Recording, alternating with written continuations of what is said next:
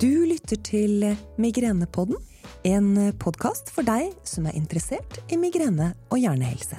Mitt navn er Jana Middelfart Hoff, og sammen med nevrolog Andrej Kanevski skal vi møte noen av de klokeste ekspertene på feltet for å snakke om hvordan leve med migrene. Migrene er en sykdom i hjernen hvor det hyppigste symptomet er pulserende, ofte svært smertefull hodepine. Smertene er ofte ledsaget av kvalme og brekninger, lysskyhet og følsomhet for lyd. Årsaken til migrene er ikke fullt klarlagt, men smertene kan forårsakes av at blodårene utvides i deler av hjernen. Selv om det kan være ubehagelig, er ikke migrene farlig. Migrene er relativt vanlig. Én av fem vil oppleve migrene i løpet av livet. Migrenepodden er støttet av Teva og Migreneskolen. Hvis man kunne putte helsegevinsten av trening i en tablett, hadde den blitt den mest effektive og helsebringende medisin i verden. Men hvordan kan man drive med fysisk aktivitet når man har migrene og kan bli dårlig av bevegelse ved anfall? I dag skal vi snakke om migrene og trening. Velkommen til Migrenepodden, podkasten for deg som har migrene, kjenner noen som har migrene, eller bare er interessert i hjernehelse generelt. Og i dag skal det handle om fysisk aktivitet, noe som alle vet at det er sunt å drive med, men ofte får for lite av. Og hvor det å ha migrene faktisk kan være en ekstra utfordring. I studio sitter jeg, nevrolog Janna Middelfart Hoff, og jeg er sammen med min gode kollega Andrej. Kjekt å se deg, Andrej. Takk det samme, Jana, og velkommen til gjesten vår i dag, manuellterapeut Audun Vestmoen. Tusen takk. Hvem er du, Audun? Jeg er fysioterapeut, og så har jeg en videreutdannelse innenfor eh, manuellterapi. Eh, til daglig så jobber jeg på Strømsø fysikalske i Drammen, og så har jeg spesialisert meg innenfor eh, nakke og hodepine, og ser veldig mange av disse pasientene. Og ved siden av den kliniske delen så jobber jeg og underviser ulike kurs for terapeuter, blant annet i nakke og hodepine. Og så er jeg gift og har to gutter på fire og seks år. Vi er i hvert fall veldig glade for at du er med oss i dag, Audun. Og temaet vårt det er fysisk aktivitet, og det vet vi at det er viktig for både å holde oss i form og unngå sykdom, men også for å mestre hverdagens utfordringer. Men det blir for lite aktivitet på svært mange av oss. Tall fra Helsedirektoratet viser at bare en tredjedel av oss klarer å oppfylle anbefalingene om minst en halvtimes fysisk aktivitet daglig. Hvorfor er det sånn, tror du, Audun? Ja, det er skremmende at så mange er inaktive, og at i Norge så dør én person i timen som følge av inaktivitet. Det her er sammensatt. Vi trener mer enn tidligere, men vi er mindre aktive. Flere har stillesittende jobb, og vi bruker mer bil og passive transportformer som elsparkesykkel for å komme oss fra A til B. I tillegg så har det blitt lett å gjøre minimalt for å klare hverdagslige oppgaver. Vi kan få maten levert på døra, og så har vi robotstøvsuger og robotklesskriver for å klare de helt enkle oppgavene. Har du robotstøvsuger, Audun? Nei, jeg, bor i, jeg er heldig og bor i et rekkehus, så den robotstøvsugeren den, den funker dårlig over etasjene. Så jeg må bruke kroppen selv til å gjøre disse oppgavene. Det er bra. Får du selv nok aktivitet i hverdagen, Audun, og hva gjør du i så fall? Ja, jeg prøver. Men jeg kjenner jo på den utfordringen, da, med familieliv, jobb og de vanlige oppgavene som skal gjøres. Så jeg legger inn én fotballøkt, og så prøver jeg å få til én trening til med, med høy puls. Men det er det ikke alltid jeg får til. Så fokuset mitt da blir å være aktiv i hverdagen. Så jeg går til toget. Så er jeg heldig da å ha treningsfasiliteter på jobb, hvor jeg kjører tre-fire styrkeøvelser hver dag. Og så leker jeg med, med, guttene. Så jeg henger meg på eh, der de er aktive, om det er sisten, om det er fotball eller å kjelke. Så jeg får mye hverdagsaktivitet på eh, delt over mange omganger i løpet av dagen. Og det er jo et veldig godt tips, tenker jeg, Audun, at det er eh, mye fysisk aktivitet i barns lek, rett og slett. At vi voksne burde kanskje leke litt mer. Men enn du, André. Du har jo vært toppidrettsutøver i volleyball. Hva gjør du som småbarnsfar og vaktlege for å bevare formen? Ja, det har blitt litt lite organisert eh, trening siste årene, men eh, det blir jo mye aktivitet med barn. Og så er jeg kronisk forsinket til jobb, så må jeg alltid løpe litt, og da får jeg opp pulsen akkurat nok til at jeg får meg litt aktivitet hver eneste dag. Så André han gjør litt sånn som deg, han Audun? Det gjør han, og jeg kjenner igjen den med å være litt seint uh, ute, eller plutselig få litt dårlig tid. Så i dag kan jeg takke, takke tog og buss for at jeg fikk opp uh, pulsen for å rekke podkasten her. Hvorfor ha personlig trener når man har tog og buss? Og du da, Jana, får du nok aktivitet i hverdagen? Ja, jeg tror er ganske god på det, andre. Og Audun, jeg har i hvert fall flere økter i uken, og kunne kanskje vært litt høyere intensitet, men jeg prøver å bli varm og god. Og så har jeg hatt en veldig god fysioterapeut, hei hei Atle hvis du hører på, som har sagt til meg at man må gjøre noe hver dag. Så jeg gjør litt sånn som du, Audun, at de dagene jeg ikke har økter, så går jeg f.eks. av bussen en stasjon før for å gå litt lenger, jeg prøver å jobbe i hagen, og så prøver jeg å reise meg fra skrivebordet med jevne mellomrom på jobb Syns du det høres ok ut, Audun? Ja, her gjør du mye bra. Og så har du en god fysio som fokuserer på hverdagsaktivitet i tillegg til treningsøktene. Det er smart det å gå av bussen litt før, eller parkere litt lenger vekk fra jobben, og det at du ikke blir for stillesittende, men får noen avbrekk med litt bevegelse, viser også forskningen at det er viktig. Hvis du skulle hatt noe å strekke deg etter, så er det å få pulsen litt høyere i perioder, og eventuelt noen styrkeøvelser for de store muskelgruppene. Mange med migrene Audun, opplever jo at det å ha migrene nettopp står veien for fysisk aktivitet. Et av trekkene med migrene er jo nettopp at eh, aktivitet blir ubehagelig. Det har en tendens til å forverre den hodepinen. Her vet vi at du har mye erfaring og råd og tips, eh, så nå skal vi snakke litt om det. Men først vår faste spalte ting du ikke visste om migrene. Og uten å ødelegge spenningen, Jana, så vet jeg at du i denne episoden har tenkt å dele noe om hva som kan utløse migrene. Ja, det er jo mange som har migrene som vet at det er et eller annet som utløser anfallet, såkalte triggere. For å kunne klassifiseres som en trigger, så må det jo være en tidsmessig sammenheng. Eh, F.eks. innenfor samme døgn. Det mest vanlige er jo dårlig søvn, som vi har snakket om her. At man har drukket for lite vann. Stress, værforandringer, hormoner, som vi også har en episode om. Men det fins også mer sjeldne triggere, André. Som hva da? En studie fra India av alle ting viste at hos noen få var det å vaske håret en ting som utløste anfall. I helseinformasjon fra australske myndigheter ramses sitrusfrukter og sjokolade opp som mulige triggere, mens det amerikanske migreneforbundet nevner spesielt modne oster som mulig årsak. Det høres ikke helt enig ut, og det virker litt vanskelig å holde oversikten over dette her. Ja, det er det, og konklusjonen er vel egentlig at hva som utløser migrene, det er skikkelig individuelt. Det er en del triggere som er felles for mange, men også noen triggere som bare noen får anfall av. Så da vil jeg egentlig si at det viktigste for lytterne, det er å se om det er noe som kan utløse migrene hos dem, og så prøve å unngå det. Men så er det jo også sånn at uh, ting som kan utløse migrene i enkelte faser av livet, ikke trenger å gjøre det i andre. Så det må være lov å prøve seg litt frem. Eh, for man kan jo ikke ha det helt som mannen i André Bjerkestikk, du vet han som spør om han kan få juletre til jul. Nei, det har jeg ikke hørt. Nei, diktet heter Den siste glede. Har kanskje hørte du, Audun.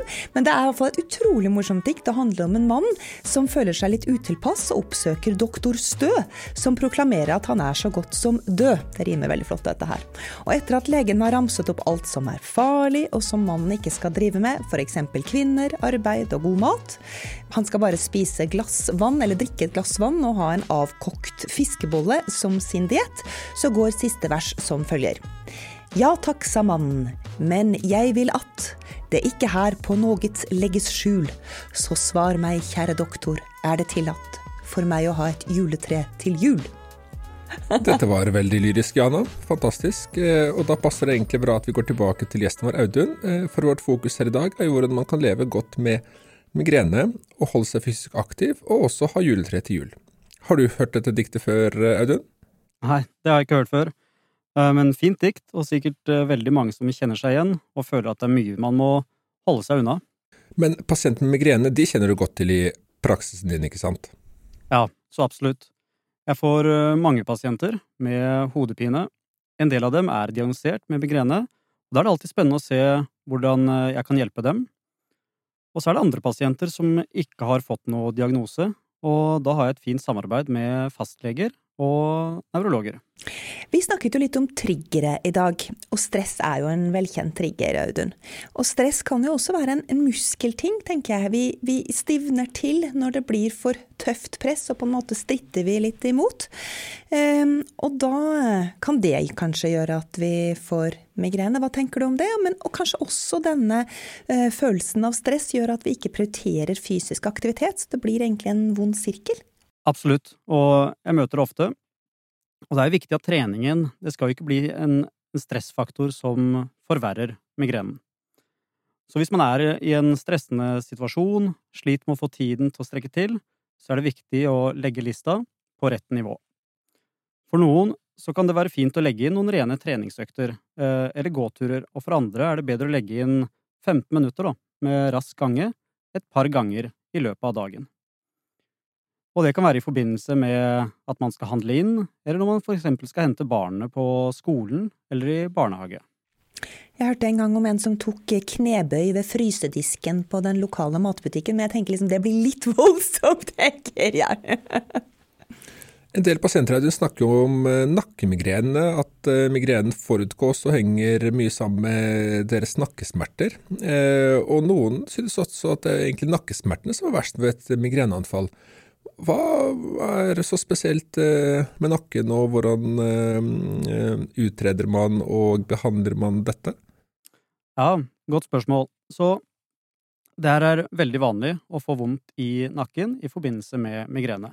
Cirka 70% får nakkesmerter i forbindelse med migrenen sin.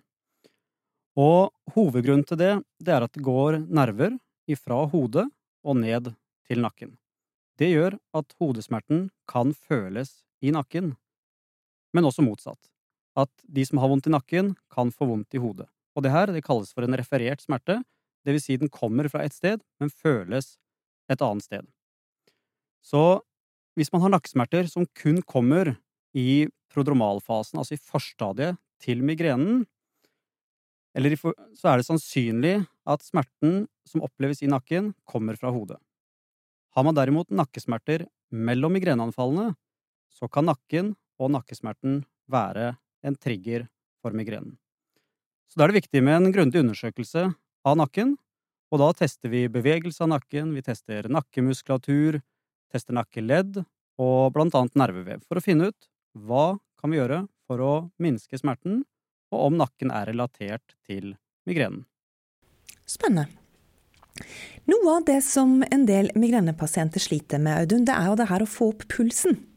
For det at eh, pang, så er migrenen der. Og da er det ikke så greit å finne ut hvordan skal man trene og holde seg i fysisk aktivitet som man vet man burde. Og da blir det jo litt sånn stress, som du sa igjen. ikke sant? Da kan det jo nesten bli det man får migrene av. Eh, og det er faktisk en lytter som skriver til oss andre. Jeg er en kvinne på 48 år med kronisk migrene. Jeg ønsker å være fysisk aktiv, men mitt problem er at jeg enten får vanlig hodepine, da tenker hun vel på mer sånn spenningshodepine, Audun, eller migrene ved all trening som gir høy puls. Nå driver jeg med yoga, men skulle gjerne hatt litt mer guts over treningen. Har dere noen tips til hva jeg kan gjøre? Har du det, Audun? Ja, så det er veldig fint hun prøver da, ulike former for fysisk aktivitet. Um, og så er det sånn at når hun har kronisk migrene, så er det jo mange dager hvor hun kanskje kan være satt ut av spill og kanskje ikke få trent. Så her vil jeg anbefale å starte helt lett med aerob trening, altså med en lavere puls enn hva hun har gjort, og kanskje litt korte økter til å starte med. Hva er egna da, tenker du Audun, hva slags type aktivitet? Det betyr egentlig ikke så mye om det er eh, gange, eller om det er sykling eller svømming. Da er det bedre at man finner én type aktivitet som man trives med. Da er det større sjanse for å klare å fortsette å være aktiv med den aktiviteten. Er det noe poeng med gradvis opptrapping? Eh, skal man eh, begynne rolig, og så kan man øke litt på etter hvert? Og eh, skal man trene litt forskjellig om man har en nakke som utløser migrene, eller det omvendte at man får nakkesmerter i forbindelse med migrene? Absolutt. Det å trene seg gradvis opp er en veldig god idé her. Så starte rolig, og så kan man heller øke på etter hvert. Og man har jo som regel noen gode perioder, og da kan man heller trene med litt høyere intensitet i de gode periodene. Har man en nakke som kan være en trigger til migrenen, altså nakkesmerter i hverdagen, så ser man at hvis man er fysisk aktiv, så vil nakkesmertene bli mindre, og man vil klare hverdagslige oppgaver bedre ved trening. Og det kan både være da generell eh, kondisjonstrening og styrketrening. Du Audun, jeg har et spørsmål når jeg snakker med migrenepasienter om trening og hvilke treningsformer de skal drive med, så pleier jeg å si noe til dem, og så kan jeg se om du er enig i det. Fordi hvis de har mye migrene og spør meg om egnet trening, så pleier jeg å si at de kanskje bør unngå å løpe på hardt underlag på asfalt, fordi at muskulaturen ofte er litt spent og betent allerede, så det kan man gjøre i bedre perioder. Og så er det dette med svømming. Svømming er jo helt supert, men du må tåle å få vann i ansiktet. Sånn svanesvømming som med damer med fine badehetter som ikke tåler vann, det er ikke noe for migrenepasienter i forverring. Er du enig med meg? Ja, jeg kan følge tankegangen din. Så det, for noen personer så er det viktig at treningen ikke inneholder for mange inntrykk. Så det kan være det å trene på treningsstudio, hvor det er mye lyd, det er mye mennesker, Eh, å forholde seg til, og det kan være mye lukter. Så da kan det være bedre å trene ute. Det samme kan man oppleve med, med svømming. Så det én ting er å få pulsen, en annen ting er hvordan reagerer man på klor, hvordan reagerer man på vann og støy. Og det kan være det samme med, med asfalt, at det kan gi litt økt, uh, litt økt belastning, men det behøver det ikke. Det vil være veldig individuelt, uh, dette her. Ser du noen begrensninger eh, for migrenepasienter når de skal bedrive trening? Er det noe de absolutt ikke skal gjøre, eller skal, kan de gjøre hva som helst så lenge de tåler det? Nei, man har ingen, eh, ingen begrensninger. Det har man ikke. Man kan sånn sett gjøre alt. Det viktigste er å være litt offensiv og prøve å teste litt ut. Og så er det sånn at trening Mange oppgir at trening kan være en trigger. Men så ser man også i studier at eh, når man makstester mange migrenepasienter, så får man ikke utløst migrene. Så det kan være man har opplevd en negativ effekt ved trening en enkel gang, men det behøver ikke å bety at man gjør det hver eneste gang.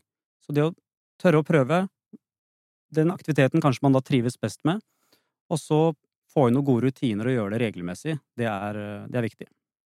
Jeg syns det var kjemperåd, André. Absolutt. Det, ikke bare for eh, de som har migrene, men for eh, resten av oss også. Um, jeg tenker Audun, at nå begynner vi etter hvert å nærme oss slutten av denne episoden. Det er veldig kjekt at du var med, og vi fikk svar på mye vi lurte på, vi. Kan du til slutt gi noen råd til de av våre lyttere som ønsker både å redusere stress og rett og slett få en bedre hverdag gjennom fysisk aktivitet? Hvis du aldri har trent før, eksempel, eller hvis du har en stillesittende jobb, hvor ville du ha starta? Det viktigste man gjør da, det er å, å komme i gang. Å starte med en form for trening som man trives med. Og så sett ikke lista for høyt. Litt er bedre enn ingenting. Man kan gjerne bruke telefonen til å se hvor aktiv har du vært den siste måneden, sette deg et mål om å bli mer aktiv, og følge med på om man klarer å oppnå dette. Så er det viktig å få inn noen gode rutiner. Lag gjerne noen avtaler med andre, så er man litt mer forpliktet til å gjennomføre dette. Spennende. Jeg har et avsluttende spørsmål. Eh, nå er jo du en eh, svært utdannet mann med en spesiell interesse for migrene og migrenepasienter. Eh, må en migrenepasient som trenger hjelp til fysisk aktivitet, muskulatur, nakke, søke en som deg, eller kan alle fysioterapeuter bidra her? Alle kan bidra, absolutt, og veilede i form av, i form av trening og, og fysisk aktivitet. Flott. Det var mye nyttig å hente her, Andrej. Ikke bare for de med migrene, som sagt. Hva var det viktigste du lærte i dag? Nei, At eh, fysisk aktivitet, det bør alle ha. Eh, og eh, om man har migrene, så begynn forsiktig, men prøv. Og eh, er ting veldig vanskelig, så går det an å søke kyndig hjelp. Ja. Ikke gi deg, da kan du både ha juletre til jul og få opp pulsen. Tusen takk for at du kom, Audun. Tusen takk for at jeg fikk være med. Veldig kjekt. Takk til dere som lytter. lyttere. Og så ses vi i neste episode. Og hvis du som lytter lurer på noe mer, eh, vil vite noe, så er et fint sted å sjekke ut migreneskolen.no, eller på Facebook. Eh, og der får du lære mer om migrene, høre andres erfaringer om livet med migrene, og kanskje også få noen verktøy som du kan ta med deg videre i livet. Informasjonen som gis i podkasten er av generell karakter og kan ikke erstatte legebesøk. Symptomer som nevnes her kan også være tegn på annen sykdom, så oppsøk legen din hvis du er usikker eller har spørsmål.